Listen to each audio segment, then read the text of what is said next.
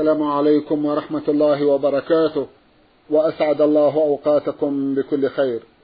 هذه حلقة جديدة مع رسائلكم في برنامج نور على الدرب. رسائلكم في هذه الحلقة نعرضها على سماحة الشيخ عبد العزيز ابن عبد الله بن باز الرئيس العام لإدارات البحوث العلمية والإفتاء والدعوة والإرشاد. مع مطلع هذه الحلقة نرحب بسماحة الشيخ ونشكر له تفضله بإجابة السادة المستمعين فأهلا وسهلا بالشيخ عبد العزيز. حياكم الله وبارك حياكم الله. نعود مع مطلع هذه الحلقة إلى رسالة المستمع عين ميم يا ميم من السودان حيث بعث برسالة مطولة عرضنا بعض أسئلتها في حلقة مضت وفي هذه الحلقة يسأل ويقول نحن نسكن في الريف بعيدا عن المدينة ولدينا أبناء صغار وبنات بحاجة إلى تعليم وعلاج. ونعاني كثيرا من تأمين هذه المتطلبات. فهل يجوز لنا أن نجعل النساء يستعملن حبوب منع الحمل لتنظيم الأسرة؟ أم كيف توجهوننا؟ جزاكم الله خيرا. بسم الله الرحمن الرحيم. الحمد لله وصلى الله وسلم على رسول الله وعلى آله وأصحابه ومن اهتدى بهداه. أما بعد فاستعمال ما يمنع الحمل أو ينظم الحمل بين أوقات وأوقات بسبب ما ذكره السائل لا وجه له. ولا ينبغي هذا. بل ينبغي لكم أن تجتهدوا أن تجتهدوا في القرب من محلات الحاجة التي تشكون منها كالمدارس أو المستشفيات أو نحو ذلك. لأن الرسول عليه الصلاة والسلام رغب الأمة في تكثير النسل. وقال تزوجوا الولود الودود فإني مكاثر بكم الأمم يوم القيامة. فالنبي صلى الله عليه وسلم حث على تكثير النسل. فلا ينبغي التساهل في هذا الأمر. وفي إمكانكم علاج الوضع بغير ذلك من القرب من محلات الأطباء القرب من المدارس. إيجاد مدرسة عندكم تعاون في إيجاد طبيب عندكم إلى غير هذا من الأسباب. يعني إيجاد وسائل وأسباب غير ما ذكرتم من تعاطي منع الحمل أو تنظيمه. نعم. جزاكم الله خيرا. يذهب الناس عندنا في يوم العيد إلى المقابر وينادون الشيوخ كما يطلقون عليهم لقضاء حوائجهم فهل يجوز هذا أم لا؟ الذهاب إلى القبور لدعاء الأموات والاستغاثة بالأموات هذا من الشرك الأكبر هذا لا يجوز. بل هو من عمل الجاهلية من عمل أهل الشرك. فلا يجوز دعاء الأموات لا عند قبورهم ولا بعيدا من ذلك. ولا طلبه المدد كأن يقول يا سيدي البدوي اقضي حاجتي اشفي مريضي. المدد المدد. أو يا سيدي عبد القادر أو يا شيخ عبد القادر أو يا رسول الله اشفي مريضي أو المدد المدد. أو غير هذا من الأساليب. بل هذا من الشرك الأكبر من عمل الجاهلية. وإنما تزار القبور للسلام عليهم والدعاء لهم إذا كانوا مسلمين يزورهم ويقول السلام عليكم أهل الديار. من المؤمنين والمسلمين وإنا إن شاء الله بكم لاحقون. نسأل الله لنا ولكم العافية. يغفر الله لنا ولكم. فالميت المسلم في حاجة إلى الدعاء إلى أن يدعى له ويترحم عليه. أما أنه يدعى من دون الله هذا من الجرائم العظيمة. هو لا يستطيع أن ينفع نفسه فكيف ينفع غيره؟ ليس له إلا ما قدم من عمل صالح. والله يقول جل وعلا فلا تدعوا مع الله أحدا. ويقول سبحانه وتعالى ولا تدعوا من دون الله ما لا ينفعك ولا يضرك فإن فعلت فإنك إذا من الظالمين. ويقول صلى الله عليه وسلم يقول النبي صلى الله عليه وسلم الدعاء هو العبادة. والله يقول سبحانه وقضى ربك ألا تعبدوا إلا إياه إياك نعبد وإياك نستعين. ويقول جل وعلا لنبيه صلى الله عليه وسلم قل إن صلاتي يعني قل يا محمد الناس إن صلاتي ونسكي يعني يعني عبادتي وفسر أيضا بالذبح ذبحي ومحياي ومماتي لله رب العالمين لا شريك له. فالواجب على جميع العباد أن يخصوا الله بالعبادة من دعاء وخوف ورجاء وتوكل وذبح ونذر وغير هذا من أنواع العبادة. هذا حق الله. وما خلقت الجن والإنس إلا ليعبدون. وما أمروا إلا ليعبدوا الله مخلصين له الدين حنفاء. والدعاء من العبادة. طلب الشفاء أو الشفاعة أو المدد أو قضاء الدين أو سلامة الأولاد أو سلامة الدواب والمزرعة كل هذا شرك بالله. إذا طلبه من الأموات أو من الأصنام والأشجار والأحجار. نعم. صار شركا بالله عز وجل. فالواجب الحذر. نعم. جزاكم الله خيرا. أيضا يقول من بين التقاليد والعادات الدارجة عندنا أن تقوم العروس في حفل عرسها بالرقص وسط المدعوين بفستان الزفاف الذي عادة ما يكون غير ساتر لجسمها. نرجو التوجيه في هذا. جزاكم الله خير الجزاء. إذا كان ذلك بين النساء فقط ليس فيه رجال فلا حرج أن ترقص بينهم مع التستر بحيث لا يبدو منها إلا ما جرت العادة بظهور كالرأس واليدين والقدمين ونحو ذلك تكون مستترة في بقية جسمها ولكن لا مانع من رقصها عندهم بإظهار رأسها ونحو ذلك لا بأس بذلك عند النساء خاصة. وعورة المرأة بين النساء ما, ما بين السرة والركبة. لكن كونها تستر صدرها وساقيها يكون أفضل وأولى ولكن ترقص برأسها بين النساء لا حرج في ذلك. أما إذا كان هناك رجال فلا يجوز. هذا منكر وحرام. نعم. جزاكم الله خيرا. المستمع محمد سعيد من دمشق بعث برسالة يقول فيها قرأت مرة أن أحمد الرفاعي عندما حج إلى البيت الحرام وذهب لزيارة مسجد الرسول صلى الله عليه وسلم أنشد بيتين من الشعر يمدح فيها الرسول صلى الله عليه وسلم. وكان من ضمنها فامدد يمينك كي تحظى بها شفتي يقول الراوي. فإذا بيد الرسول الكريم تمتد من القبر ليقبلها الشيخ أحمد. ومع عدم قناعتي بهذه الحكاية الخرافية إلا أنني آمل أن توضحوا ذلك للناس الذين تشبعوا بها إلى حد القناعة. جزاكم الله خيرا. هذه الحكاية باطلة. هذه الحكاية باطلة وخرافة لا أصل لها ولا أساس لها.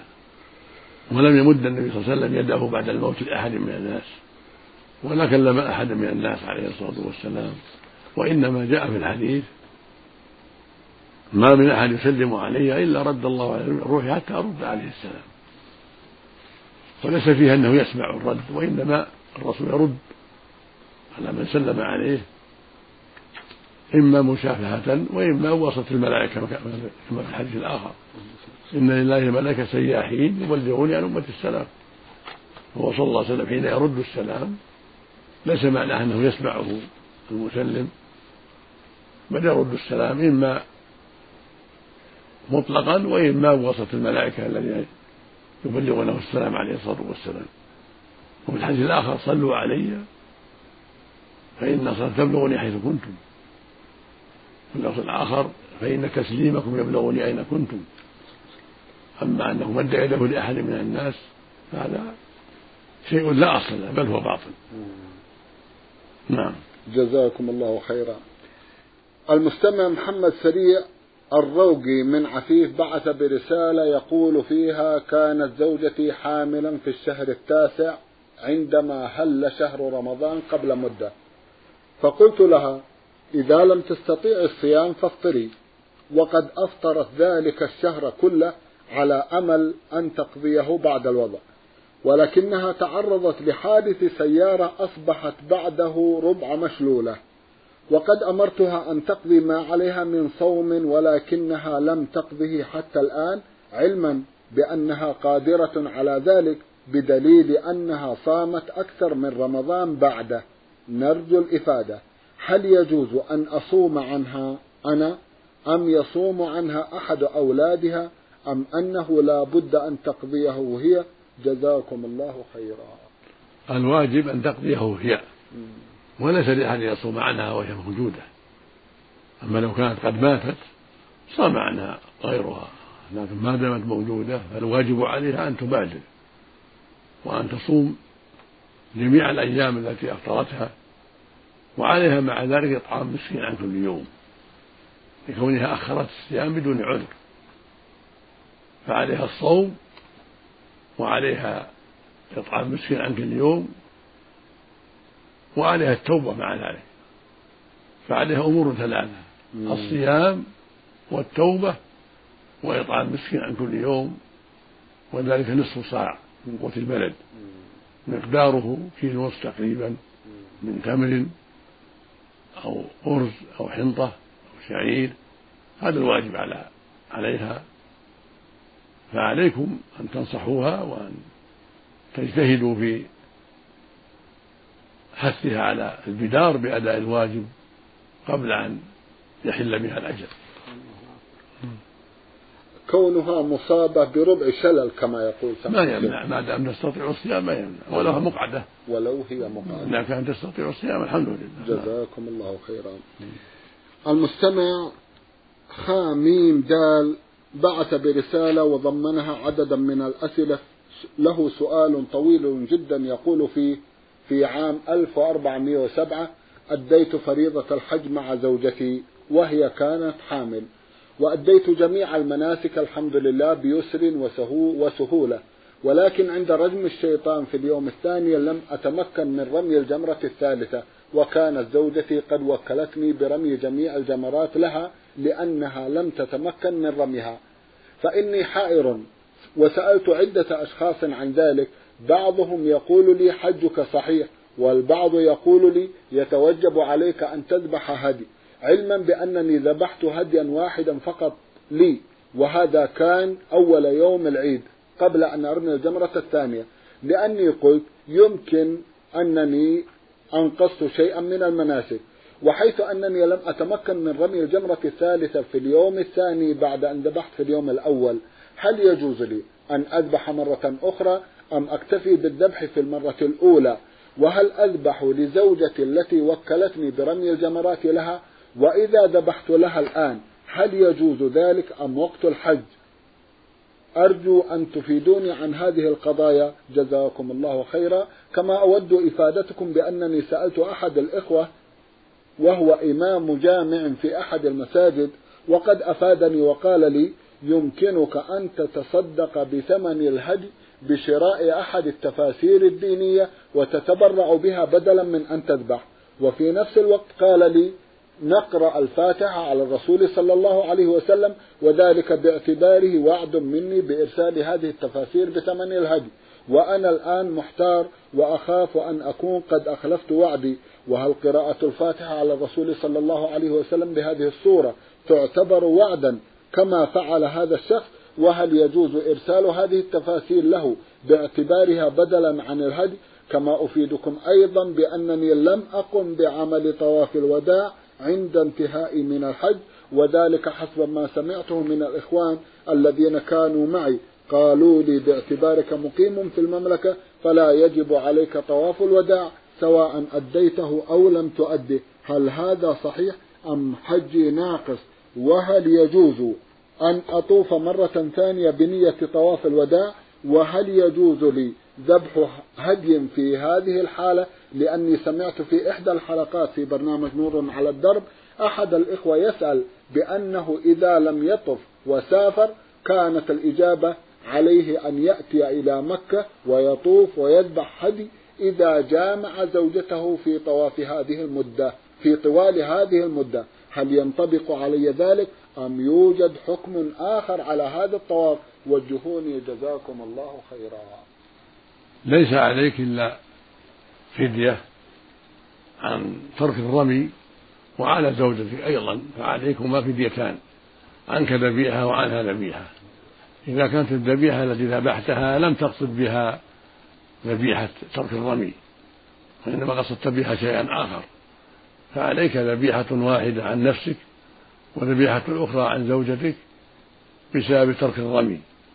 وهذه الذبيحة مثل الضحية يدع ضان أو ثني معز سليم من العيوب يذبح في مكة للفقراء والمساكين. سواء توليته بنفسك أو وكلت ثقة في مكة يقوم بذلك. وأما طواف الوداع فهو واجب والذي قال ليس لك عليك وداع وأنت في السعودية هذا غلط. هذا جهل بحت.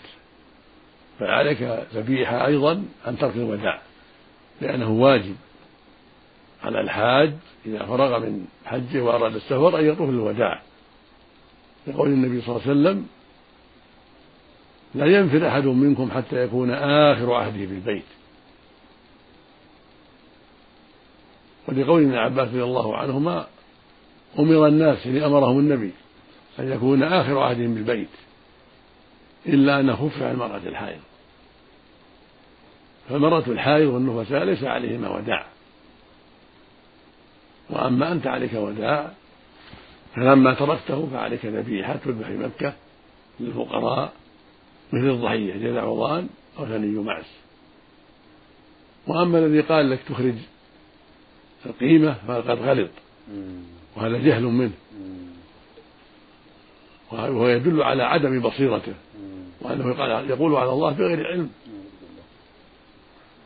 فالثمن لا يجزي. سواء جعل في كتب للتفسير أو غيره.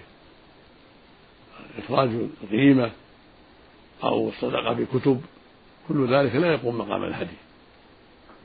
كذلك قراءة الفاتحة للنبي صلى الله عليه وسلم بدعة لا أساس لا أساس لها. فنوصيك بالحذر من سؤال من لا يعرف بالعلم والفضل والبصيرة في الدين. لا تسأل إلا أهل العلم المعروفين بالوقع بالورع والعلم والبصيرة في دين الله والسمعة الحسنة. لأن كثيرا من الناس يقول على الله بغير علم ويفتي على غير بصيرة. نسأل الله العافية والسلامة. اللهم آمين. جزاكم الله خيرا. إذا كان عندي مبلغ خمسة عشر ألف ريال سعودي في شهر محرم عام 1408 ودخل العام الذي بعده وهو عام 1409 يعني هذا المبلغ أكمل عام من غير أن أمس منه شيء. كيف نخرج منه الزكاة ومتى يجب إخراجها؟ ما دمت ملكته في المحرم فعليك الزكاة في المحرم. إذا تم السنة. ولو أنه لم يتصرف فيه ولو أنه في الصندوق أو في البنك محفوظا أمانة عليك أن تخرج زكاة ربع العشر. في كل ألف خمسة وعشرون. إذا تم الحول. إذا كان هذا ما جاءك هبة أو ورث فإنه إذا درى عليه الحول تمت السنة تخرج زكاته فأما إن كان إن كان هذا المال ثمن سلعة معدة للبيع فالحول حول السلعة التي أعددتها للبيع. متى تمت السنة زكيت المال. فالحاصل أن الزكاة تجي في المال في النقود إذا تم الحول عليها وفي السلع المعدة للبيع. سيارات نعم. أو فرش أو أواني أو غير ذلك عليك الزكاة فيها إذا تم حولها حسب قيمتها. التي هي عروض التجارة؟ وهي عروض التجارة. بارك الله ينظر في قيمتها عند الحول. نعم. فإذا كانت قيمتها مثلا عشرة آلاف زكيت عشرة آلاف. وإذا كانت قيمتها مئة ألف زكيت مئة ألف عند الحول. وهذا هو الواجب عليك وعلى أمثالك. نعم. جزاكم الله خيرا. وأيضا عن الزكاة. عندما ذهبت في إجازتي السنوية في شهر فبراير من عام 88 فتحت حساب في أحد البنوك الإسلامية في السودان ووضعت فيه مبلغ عشرين ألف وثمانمائة جنيه سوداني وفي نفس العام أخذت منه تسعة آلاف جنيه أصبح المتبقي 11800 جنيه حتى بداية العام الجديد 89 كيف تكون طريقة إخراج الزكاة في هذا المبلغ؟ ومتى يجب إخراجها. عليك أن تخرج الزكاة من حين تم الحول والمبلغ الذي الذي أخذته قبل تمام الحول ليس فيه زكاة. لكن الذي تم عليه الحول بعدما ملكت هذا المال عليك زكاته وهي ربع العشر. في كل ألف خمسة وعشرون. فلا زكاة في مال حتى يحول عليه الحول. يعني النقود وأشباهها كعروض التجارة. وكالإبل والبقر والغنم السائمة الراعية كل هذه لا زكاة فيها إلا إذا تمت السنة. كل ما تمت السنة وجبت الزكاة. أما الحبوب والثمار فتجب فيها الزكاة إذا استوت ونضجت الحبوب إذا استوت نعم. واشتدت نعم. ثم حصدها ويراها وطابت ونظفت تجب فيها الزكاة بعد دريها وتخليصها مما هي فيه من قصب ونحوه حتى يصفيها ويخرج زكاتها. وهكذا الثمار كالتمر والعنب يزكيه إذا استوى ونضج. ووضع في البيدر يعني في الجريد في محل تيبيسه. نعم. ثم يخرج زكاته إذا بلغ النصاب. نعم. خمسة أوسق. وإذا كان يسقى بالمكاين ونحوها فيه نصف العشر في الألف خمسون. في الألف وزنة أو الكيلو خمسون. وفي الألفين مئة. نصف العشر. نعم. وإذا كان يسقى بالمطر والأنهار الجارية يكون فيه العشر. في الألف مئة. وفي الألفين مئتان وهكذا. نعم. هكذا جاءت سنة عن النبي عليه الصلاة والسلام. نعم. جزاكم الله خيرا. المستمع سين عين باء مصري يعمل في العراق بعث برسالة يقول فيها في حالة غضب. رجل سب الدين والعياذ بالله. هل تطلق زوجته؟ وهل عليه كفارة؟ وما هي؟ سب الدين رد على الإسلام. أعوذ بالله. فإن تاب ورجع إلى الله وأناب إليه قبل خروج زوجته من العدة فهي زوجته. وإن خرجت من العدة قبل أن يتوب لم تحل له إلا بنكاح جديد. إذا تاب إلى الله سبحانه وتعالى ورجع إلى الحق.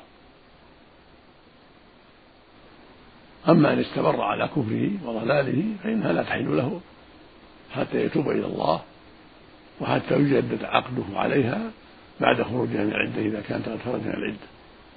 أما إذا تاب في العدة فهي زوجته. ومن تاب تاب الله عليه. أما إذا رفع إلى ولي الأمر وولي الأمر يحيله إلى المحكمة والمحكمة تحكم فيه بما يقتضيه الشرع المطهر. في ساب الدين أو ساب الرسول عليه الصلاة والسلام. نعم. جزاكم الله خيرا. المستمع صلاح عبد الصبور عباس بعث برسالة يقول فيها إذا قلنا وآمنا أن الصلاة تنهى عن الفحشاء والمنكر والبغي. كيف نفسر عمل إنسان يصلي ولكنه يغتاب الناس ويرتكب بعض المعاصي؟ هل صلاته صحيحة أم كيف يفسر ذلك؟ جزاكم الله خيرا. صلاته صحيحة إذا أداها بما شرط الله فيها صحيحة لكن تعاطيه المعاصي يدل على أنه لم يتقنها ولم يقيمها كما أمر الله. لأن الله قال وأقم الصلاة. إن الصلاة تنهى تنهى عن الفحشاء والمنكر. يعني تنهى من أقامها وأدى حقها. فالذي يتعاطى المعاصي يدل على أنه لم يقمها كما أمر الله. وإن أجزأته وإن صحت لأنه أدى شروطها. لكن كونه يتعاطى المعاصي هذا نقص في دينه ونقص في إيمانه ونقص في صلاته. وعلامة على أنه لم يقمها كما أمر الله لم يستحكم إيمانه بها وتعظيمه لها كما ينبغي إذ لو استحكم ذلك لما تعاطى المنكرات وأهل السنة والجماعة يقولون إن المعاصي تنقص الإيمان وتضعف الإيمان ولا توجب الردة ما دامت دون النواقض معاصي غير نواقض الإسلام كالزنا. والسرقة نعم. شرب الخمر الغيبة النميمة هذه معاصي تنقص الإيمان وتضعف الإيمان وتدل على أن العبد لم يقم الصلاة كما أمر الله بل فيها نقص. نسأل الله السلامة والعافية.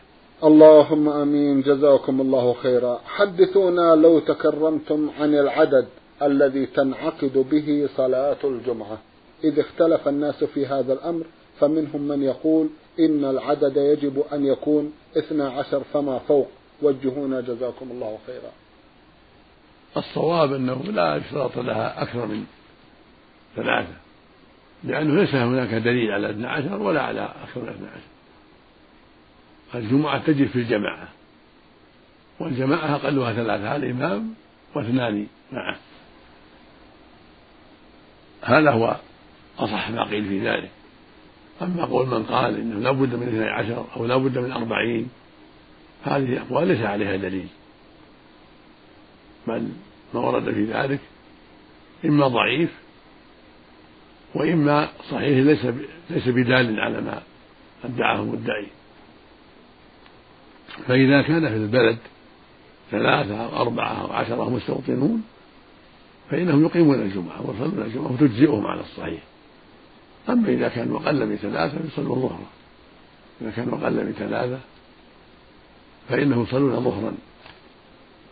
وهكذا لو كانوا غير مستوطنين وإنما أقاموا بها لحاجة ثم يضعنون عنها بأن قاموا فيها لتعمير بيت بالتأجير أو لحفر بئر أو لأسباب أخرى وليس قصدهم السكن فإن هؤلاء ليس عليهم جمعة. بل إن كان في قربهم البلد صلوا معهم وإن كان ما في قربهم أحد صلوا ظهرا لأنه ليسوا مستوطنين. بل حكمهم حكم المسافر من بعض الوجوه في عدم إقامة الجمعة. وإن كانوا يصلون أربعا لأنهم مقيمون إقامة تمنع من القصر لكنهم ليس عليهم جمعة لأنهم غير مستوطنين في البلد وإنما قاموا فيها لحاجة ثم يضعنون. نعم. جزاكم الله خيرا. المستمع محمد صالح أبو العظام من مصر بعث برسالة يقول فيها قبل ثمان سنوات كنت أعمل في الرياض وتلقيت خبرا من والدتي بأنها ستؤدي فريضة الحج وعلي أن أستقبلها بمطار جدة وبالفعل ذهبت لاستقبالها ولأداء فريضة الحج معها. وقبل السفر سألت بعض الإخوة عن كيفية الإحرام فقالوا لي تحرم من جدة. ولضيق الوقت لم أسأل غيرهم فذهبت واستقبلت الوالدة وأحرمت من جدة. وبعدها انتقل عملي إلى جدة فحججت ولله الحمد مرتين مرة عن والدي ومرة عن جدي. ولكن ما يشغل بالي هو إحرامي من جدة في المرة الأولى وأنا قادم من الرياض. فهل يكون حجي صحيحا أم لا؟ وإذا كان غير صحيح هل علي أن أعيده أم علي كفارة؟ أفيدوني جزاكم الله خيرا. الحج صحيح ولكن عليك دم واحد فدية. لأنك تركت الميقات وهو وادي قرن الذي يحرم منه أهل نجد وأهل الطائف. لأنك حين خرجت من الرياض قاصد الحج مع والدتك. فالواجب عليك الإحرام من ميقات أهل نجد وهو السيل. وادي قرن فعليك دم عن ترك ذلك يذبح في مكة. وحجك صحيح والحمد لله. جزاكم الله خيرا. إذا صادف أنه عاشر أهله. سماحة الشيخ قبل أن يقدم هذا الهدي. فهل تنصحون؟ لا يضر لا يضر. لا يؤثر. لا بارك الله فيكم وجزاكم الله خيرا. سماحة الشيخ في الختام أتوجه لكم بالشكر الجزيل بعد شكر الله سبحانه وتعالى. على تفضلكم بإجابة السادة المستمعين وآمل أن يتجدد اللقاء وأنتم على خير. نسأل الله ذلك مستمعي الكرام كان لقاؤنا في هذه الحلقة مع سماحة الشيخ عبد العزيز ابن عبد الله بن باز الرئيس العام لإدارات البحوث العلمية والإفتاء والدعوة والإرشاد.